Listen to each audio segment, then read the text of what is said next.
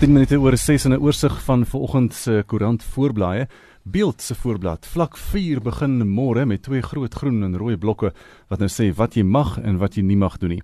Een van die maatreëls is dat jy te danke aan 2000 klagtes steeds nie mag rook nie. En 'n berig oor die Winbuks sterfte wat glo op Claude Lombard se foon opgeneem is toe hy in sy sterwensoomblikke die video-opnemer aangeskakel het. Die burger vandag ja vir oefen, nee vir sigarette. Jy sal mag stap, draf of fietsry tussen 6 en 9 soggens binne 'n 5 km radius van jou huis, maar steeds nie drank en sigarette mag aanskaf nie. En landbouprodukte en wyn mag weer uitgevoer word. Daar's ook 'n berig oor die Wes-Kaap wat sy hakke inkap oor skole. Hulle wil nie hê skole moet so vroeg soos volgende week al heropen nie.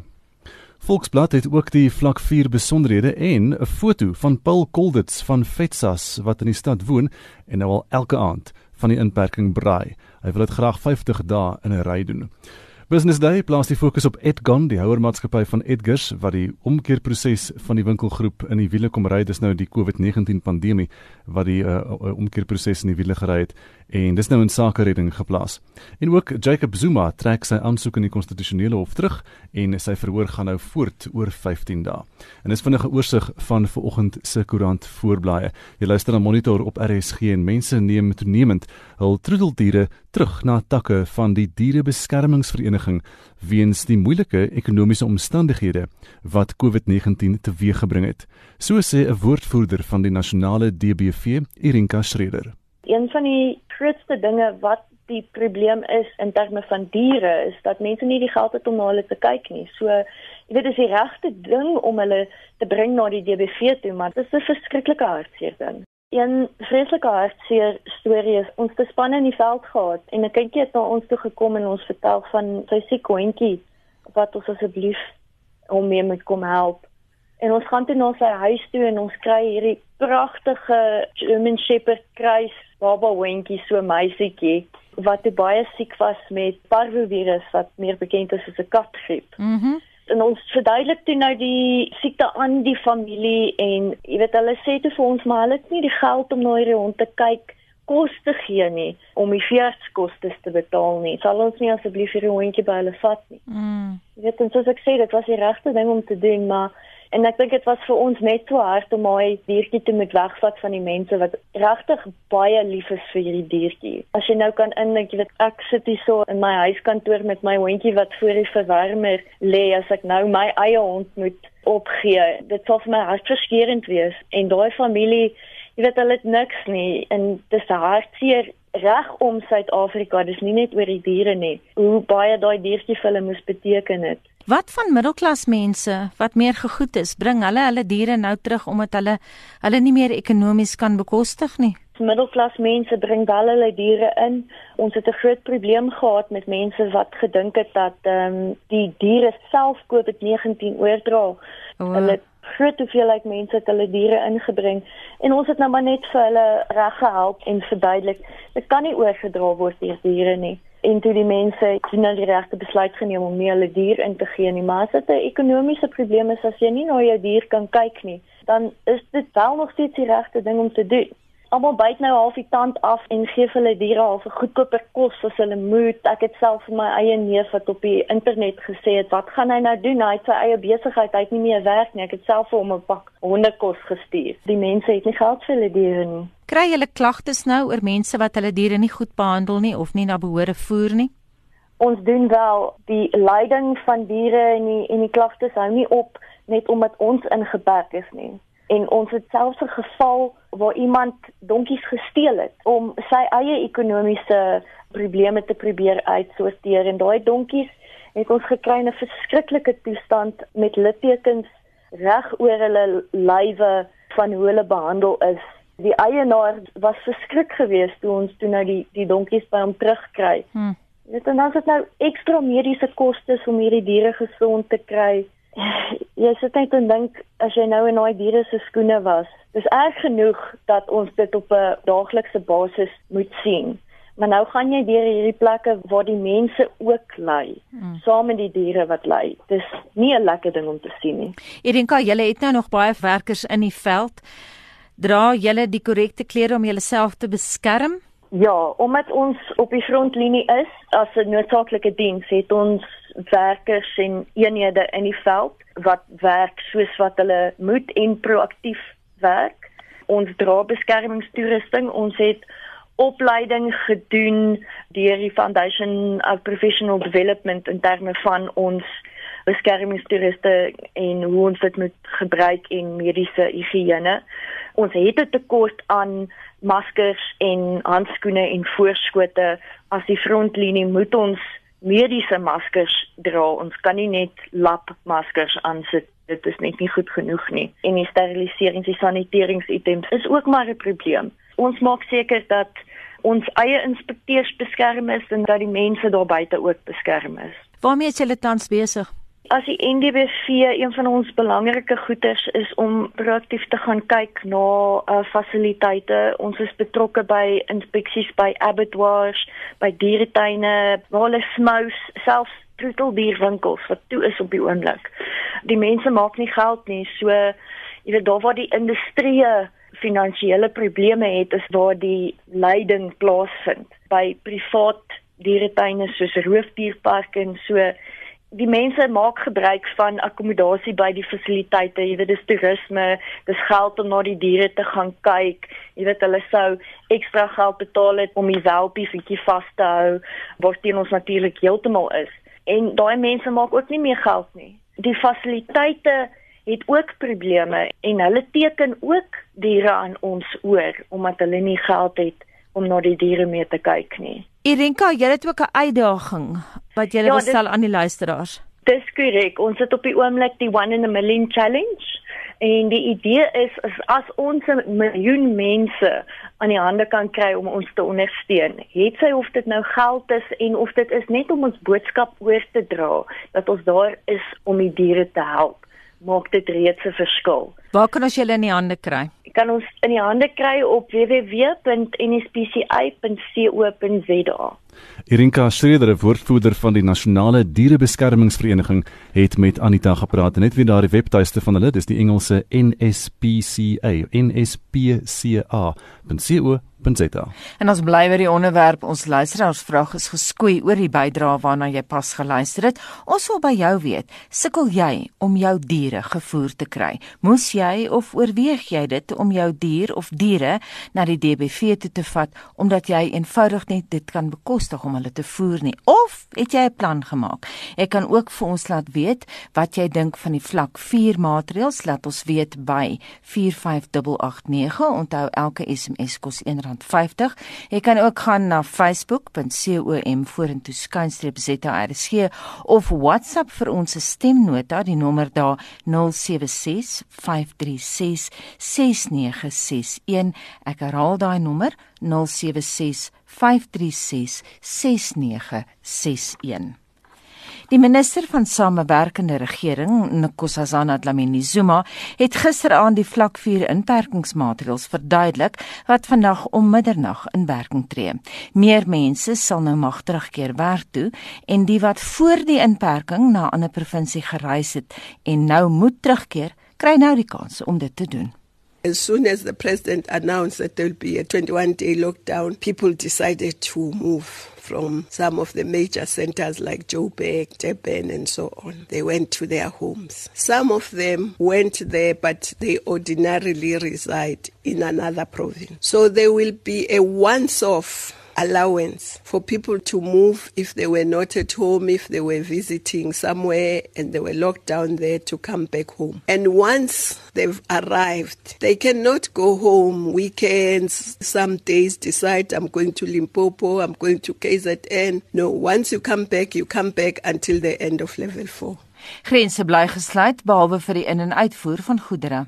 The sea borders, ports, the airports, the land ports of entry are still closed. So our borders are not open except for goods arriving into the country or leaving the country, especially to our neighboring states. The movement of people across the borders is only allowed under very exceptional circumstances like South Africans returning home who were stuck somewhere. When they return, they must be quarantined for 14 days before they go to their families or their homes or to work or anywhere.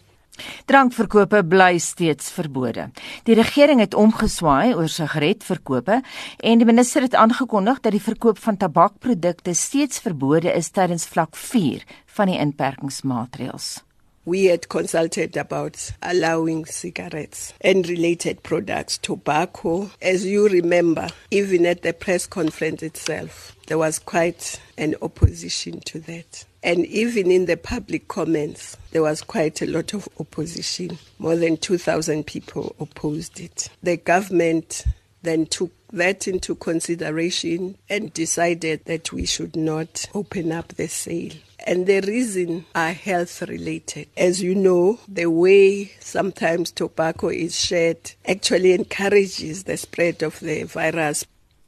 Sy het ook gesê mense mag tussen 6uur en 9uur soggens buite hulle huise oefen. Dit moet egter binne 'n radius van 5 km wees van waar 'n persoon woon. Oefen in groepe en by gimnasiums bly verbode. Under these regulations, you can cycle, you can run, you can walk, but it will have to be within your neighborhood, within about 5 kilometer radius. And it will also be not under organized groups, can run as a club or as a group. But you also can only do that between 6 a.m. and 9 a.m. So three hours we can all cycle, run, walk within our residence Restaurante mag kos aflewer, maar mense mag nie in eetplekke aansit nie. Koerier en posdienste asook veeveilings word nou toegelaat. Jy mag ook nou by eysterware winkels gaan koop terwyl elektriesiëns, loodgieters en motorwerktuigkundiges ook weer mag werk. Jy mag egter steeds nie vriende of familie besoek nie.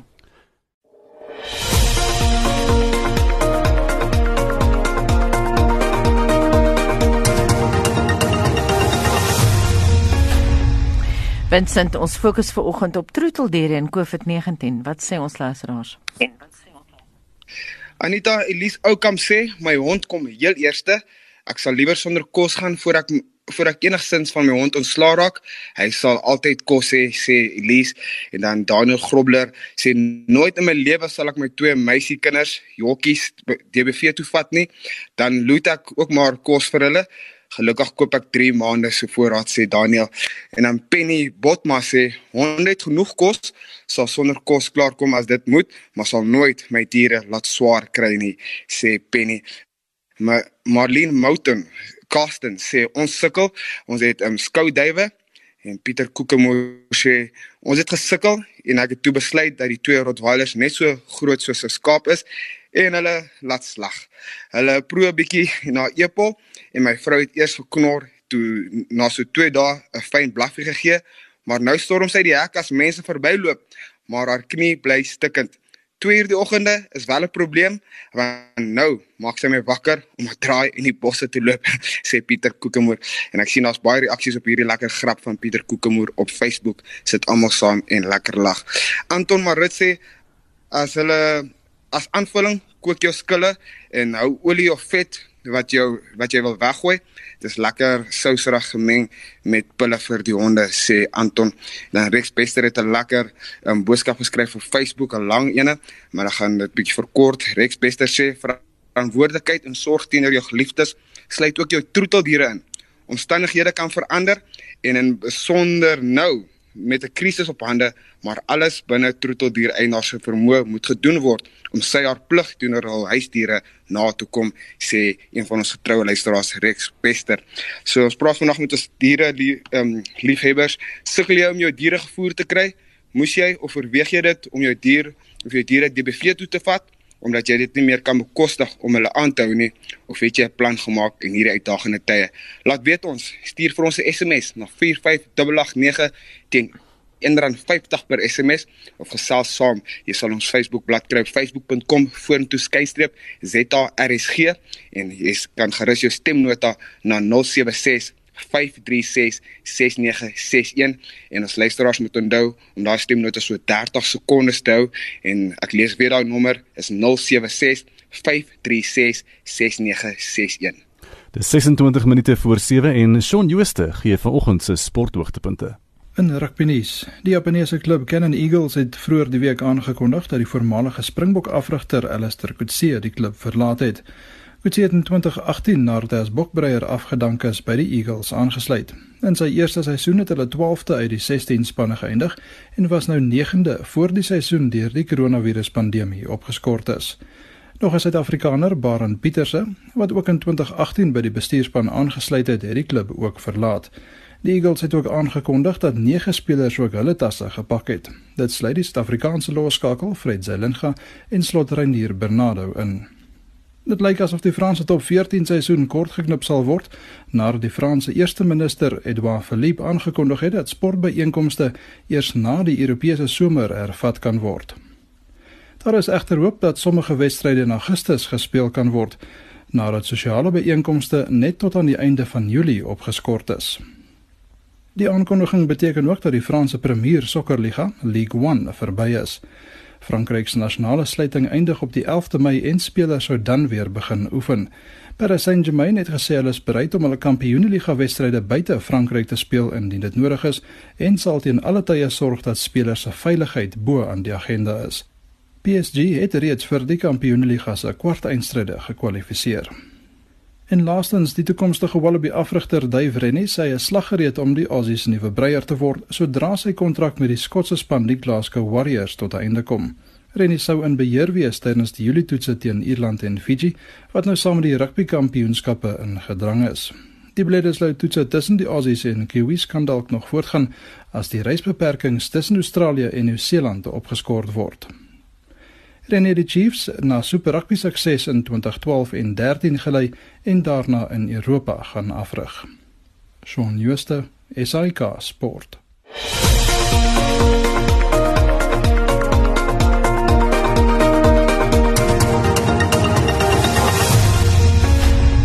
Swaksiende en blinde lesers beleef 'n boekdroogte omdat president Ramaphosa nie die wysigingswet op kopiereg vir die afgelope jaar onderteken het nie.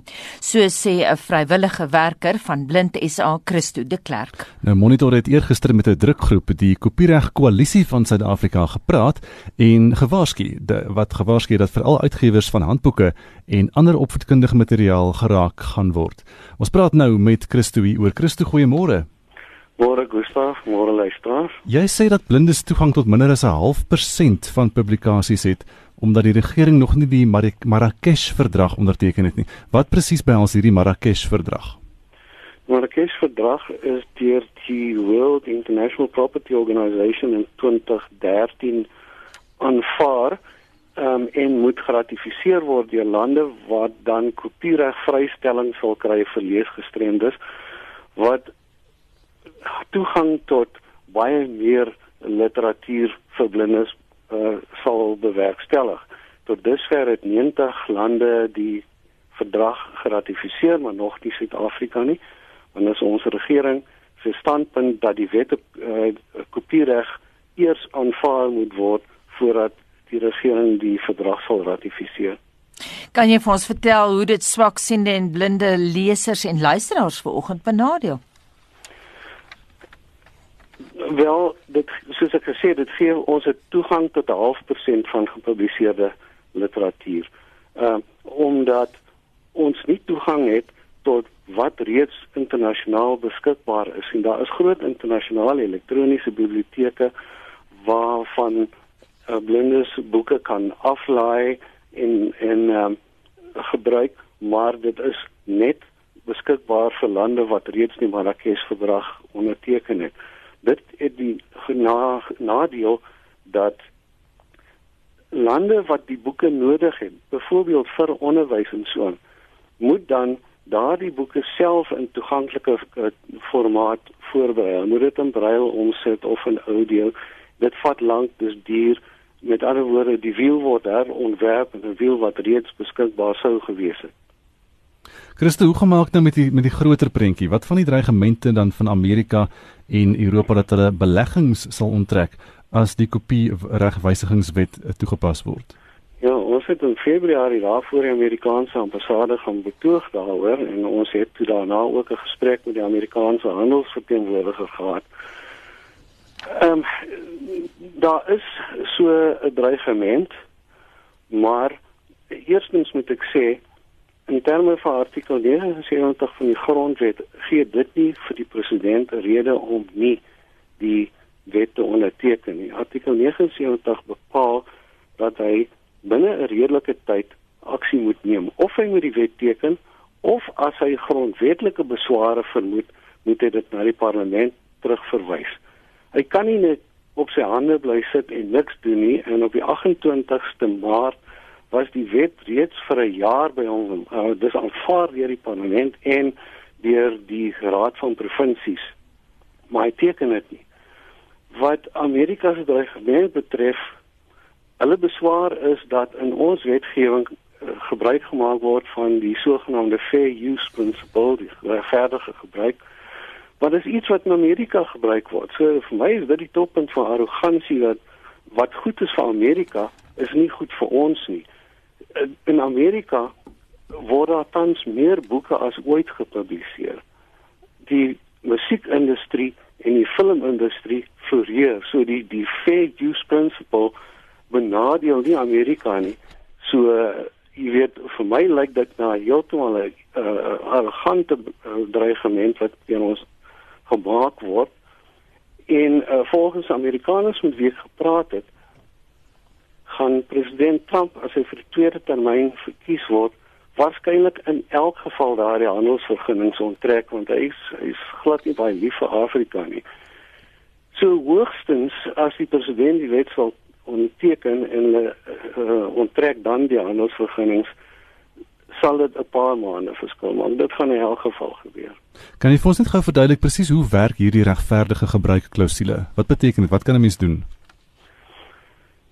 Wel, uh, dit ehm um, maak dit makliker vir studente om dele van uh, boeke uh, te kopieer. Jy weet tans is uh, daar vakke op universiteit waarvoor daar nie plaaslike boeke is nie en studente moet baie duur boeke van oorsee afkoop. Hulle sal dan ehm um, toegang hê om dele daarvan gratis te kopieer vir hulle studies en so. Ehm um, vir ons as blindes is daar artikel 19D in die, in die wet wat dan nou die kopieregvrystellings maak sodat uh, werke wat in toeganklike vorm voorberei moet word vir leesgestremde persone vrygestel is van kopiereg. Christo, jy sê nou jy het voor die Amerikaanse ambassade gaan betoog en jy het uiteindelik deur julle druk die handelsattaché te sien gekry. Hoekom plaas julle nie druk op die president nie? Maar ons doen, ons het reeds geskryf, ons het uh, geskryf en gevra dat hy voor of op die 28ste Maart die wet moet onderteken anders gaan ons regstappe instel. Hy het nie geteken nie, so ons het ons regspan reeds opdrag gegee om hofstukke op te stel om dan 'n aansoek te bring in terme van artikel 38 van die grondwet. Jy is nou ten nouste betrokke met hierdie met hierdie proses. Wat is volgens jou die rede hoekom die president so sloer dan nou om hierdie wet te onderteken? Daar is wel twee dinge. Daar is natuurlik die die dreigement van Amerika. Ehm um, wat maak dat hy waarskynlik nie lekker weet wat om te doen nie alhoewel dit hom nie die reg gee om om nie te teken nie. En dan ook is daar drukgroepe soos die uh uh kopiereg uh, koalisie wat druk uitoefen op die president om die wet nie te teken nie. Want die koalisie verteenwoordig die sogenaamde collectors die uh, tussenmaatskappye, platemaatskappye, uh, PASA, Publishers Association of South Africa, uh, Dalro, Samro, um, wat gevestigde finansiële belange het en hulle hulle is baie luidrigtig oor die saak en hulle uh, oefen baie sterk druk uit op die president om te probeer keer om die wet te teken. Baie dankie en so sê Christo de Klerk hy is 'n vrywilliger wat werk vir Blind SA. Dis nou kwart voor 7 jy's ingeskakel hier by Monitor op RSG en die lande wat die COVID-19 pandemie die beste bestuur in Latyns-Amerika is die state wat pragmaties van aard is en nie na links of regs oorhel nie.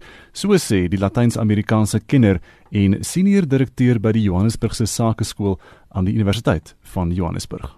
The likes of Chile, Costa Rica and interestingly the countries that have come through have also been Peru and Argentina. Argentina is no stranger, or at least their politicians are no strangers to populist rhetoric and their populist responses. And what we are seeing in Latin America is that the populists have been exposed through the crisis while the pragmatists are gaining popularity. And that's why, in, in the case of Argentina, under the leadership of Alberto Fernandez, who only came into power in December last year, he has adopted a much more pragmatic approach, one that is much more inclusive and has created unity amongst Argentinians, a country deeply divided by politics, in response to the COVID 19 crisis.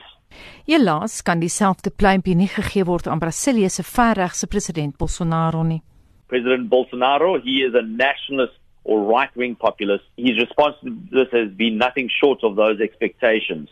Of this real um, machismo, flamboyant nationalist response, suggesting that COVID 19 is nothing more than a common cold or a flu that they will handle, in his words, like men.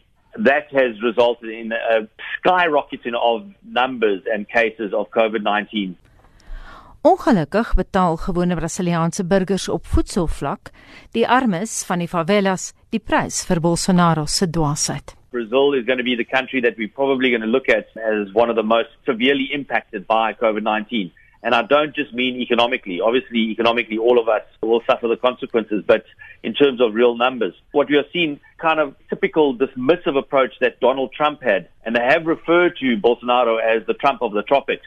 Bolsonaro initially referred to the virus as a media scam that his administration will handle in a very, very robust fashion. He ignored all warnings and he asked people, including the evangelical churches, to continue gatherings, continue contact. In after just six weeks, if you think about it, it's been about six weeks since we heeded the warnings from around the world. Many of us went into lockdown. The number of infections in Brazil has increased from 300 about six weeks ago to over 60,000 by the end of this week, it's anticipated. Die aantal COVID-19 sterftes in Brasilië het dan ook toegeneem van sowat 20 in die middel van Maart tot die voorspelde 4000 aan die einde van die week. In die buurland Bolivia lyk dinge tans betreklik goed, maar soos met Afrika kan dit te danke wees aan min toetsing, waarsku professor White. Bolivia's numbers don't look exceptionally high, but we must be mindful that like the nether parts of Brazil, the bigger countries and even in Africa, most of the numbers won't be coming to the fore because many people will not be tested. Unfortunately, Bolivia might fall into that category of many people dying from COVID but without having received medical attention, so they will die in their own home, sadly. It is a country that is landlocked and people are not as mobile as in other parts of Latin America, and that could be an unexpected relief from the onslaught of COVID 19.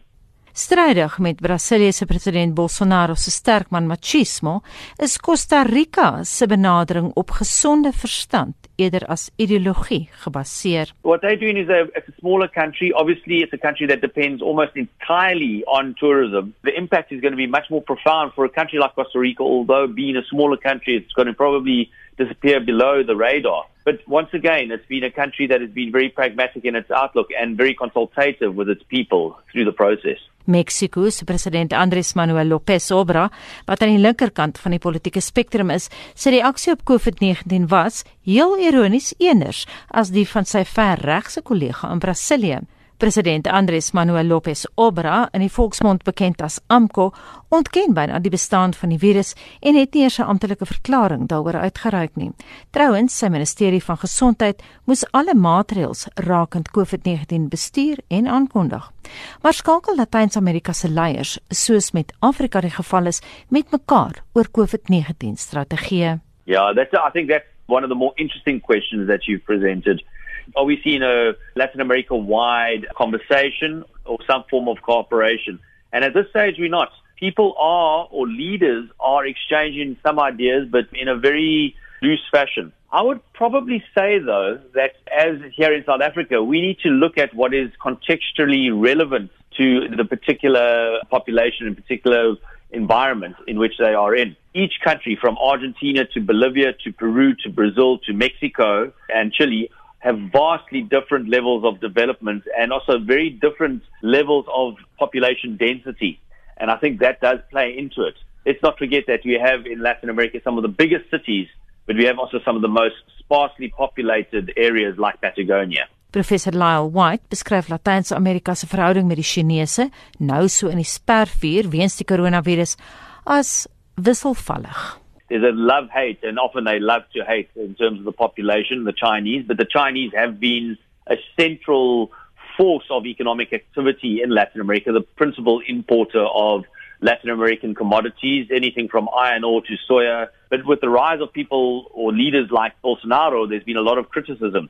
And this could stir increased criticism around the Chinese. There has not not yet been a public outcry from Latin Americans themselves around the Chinese handling of COVID and calls for an investigation. But I suspect that most Latin American countries will support an investigation into the, the Chinese handling of the virus in its initial days. En dis dan die mening van professor Lyle White, Latyns-Amerikaanse kenner en 'n senior direkteur by die Johannesburgse Sakeskool aan die Universiteit van Johannesburg. Nou so omtrent 8 minute voor 7 en die Kirstenbos Botaniese Tuin is besonder trots op die sade van vier baie spesiale bome wat die Japaneese in 2012 hierheen gestuur het. Suid-Afrika is een van 36 lande wat 'n groep van 170 bome wat Hiroshima oorleef het, vertroetel. 'n Senior plantkundige verbonde aan Kirstenbos, Adam Harrower, het die verhaal gister met Anita gedeel. It's miraculous because obviously people know the story about Hiroshima and Nagasaki, the devastation of the atomic bombs that were dropped there in 1945. There was absolute decimation of buildings and of course many many people died. and of course the plants were utterly obliterated. People said that for 75 years after the bombs were dropped, nothing would grow there. But within a few months, these new green sprouts started uh, appearing from these old burnt dead tree stumps. And quite miraculously, about 170 trees within a radius of about two kilometers of the hypercenter of the bomb blast actually started recovering. Maar sou 'n professionele plantkundige kon voorsien hoe gehard sekere boomsoorte is?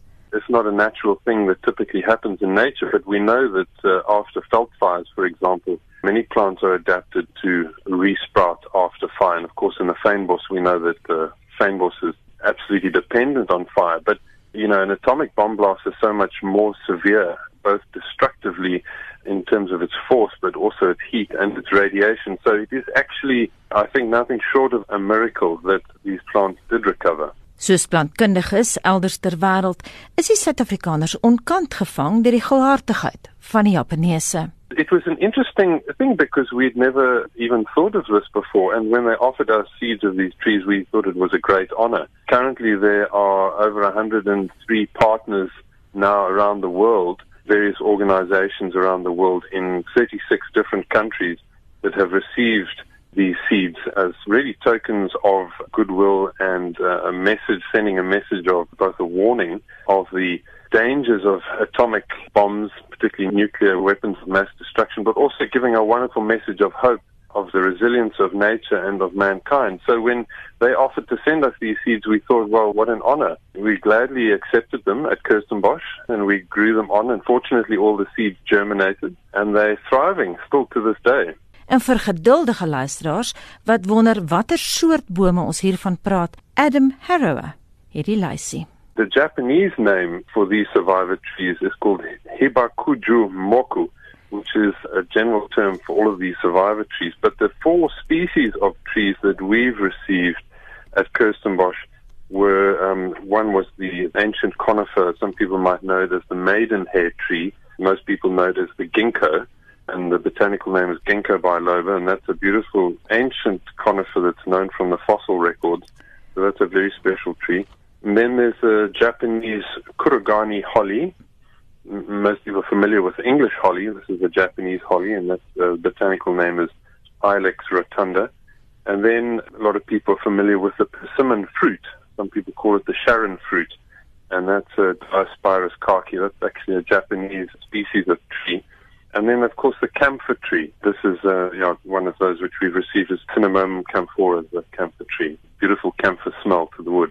Op hulle beurt is die Japaneese ewe beïndruk met hulle Suid-Afrikaanse kollegas by Kirstenbosch se botaniese tuin. We've had a wonderful visit by one of the co-founders, Tomoko Watanabe, who visited in 2017.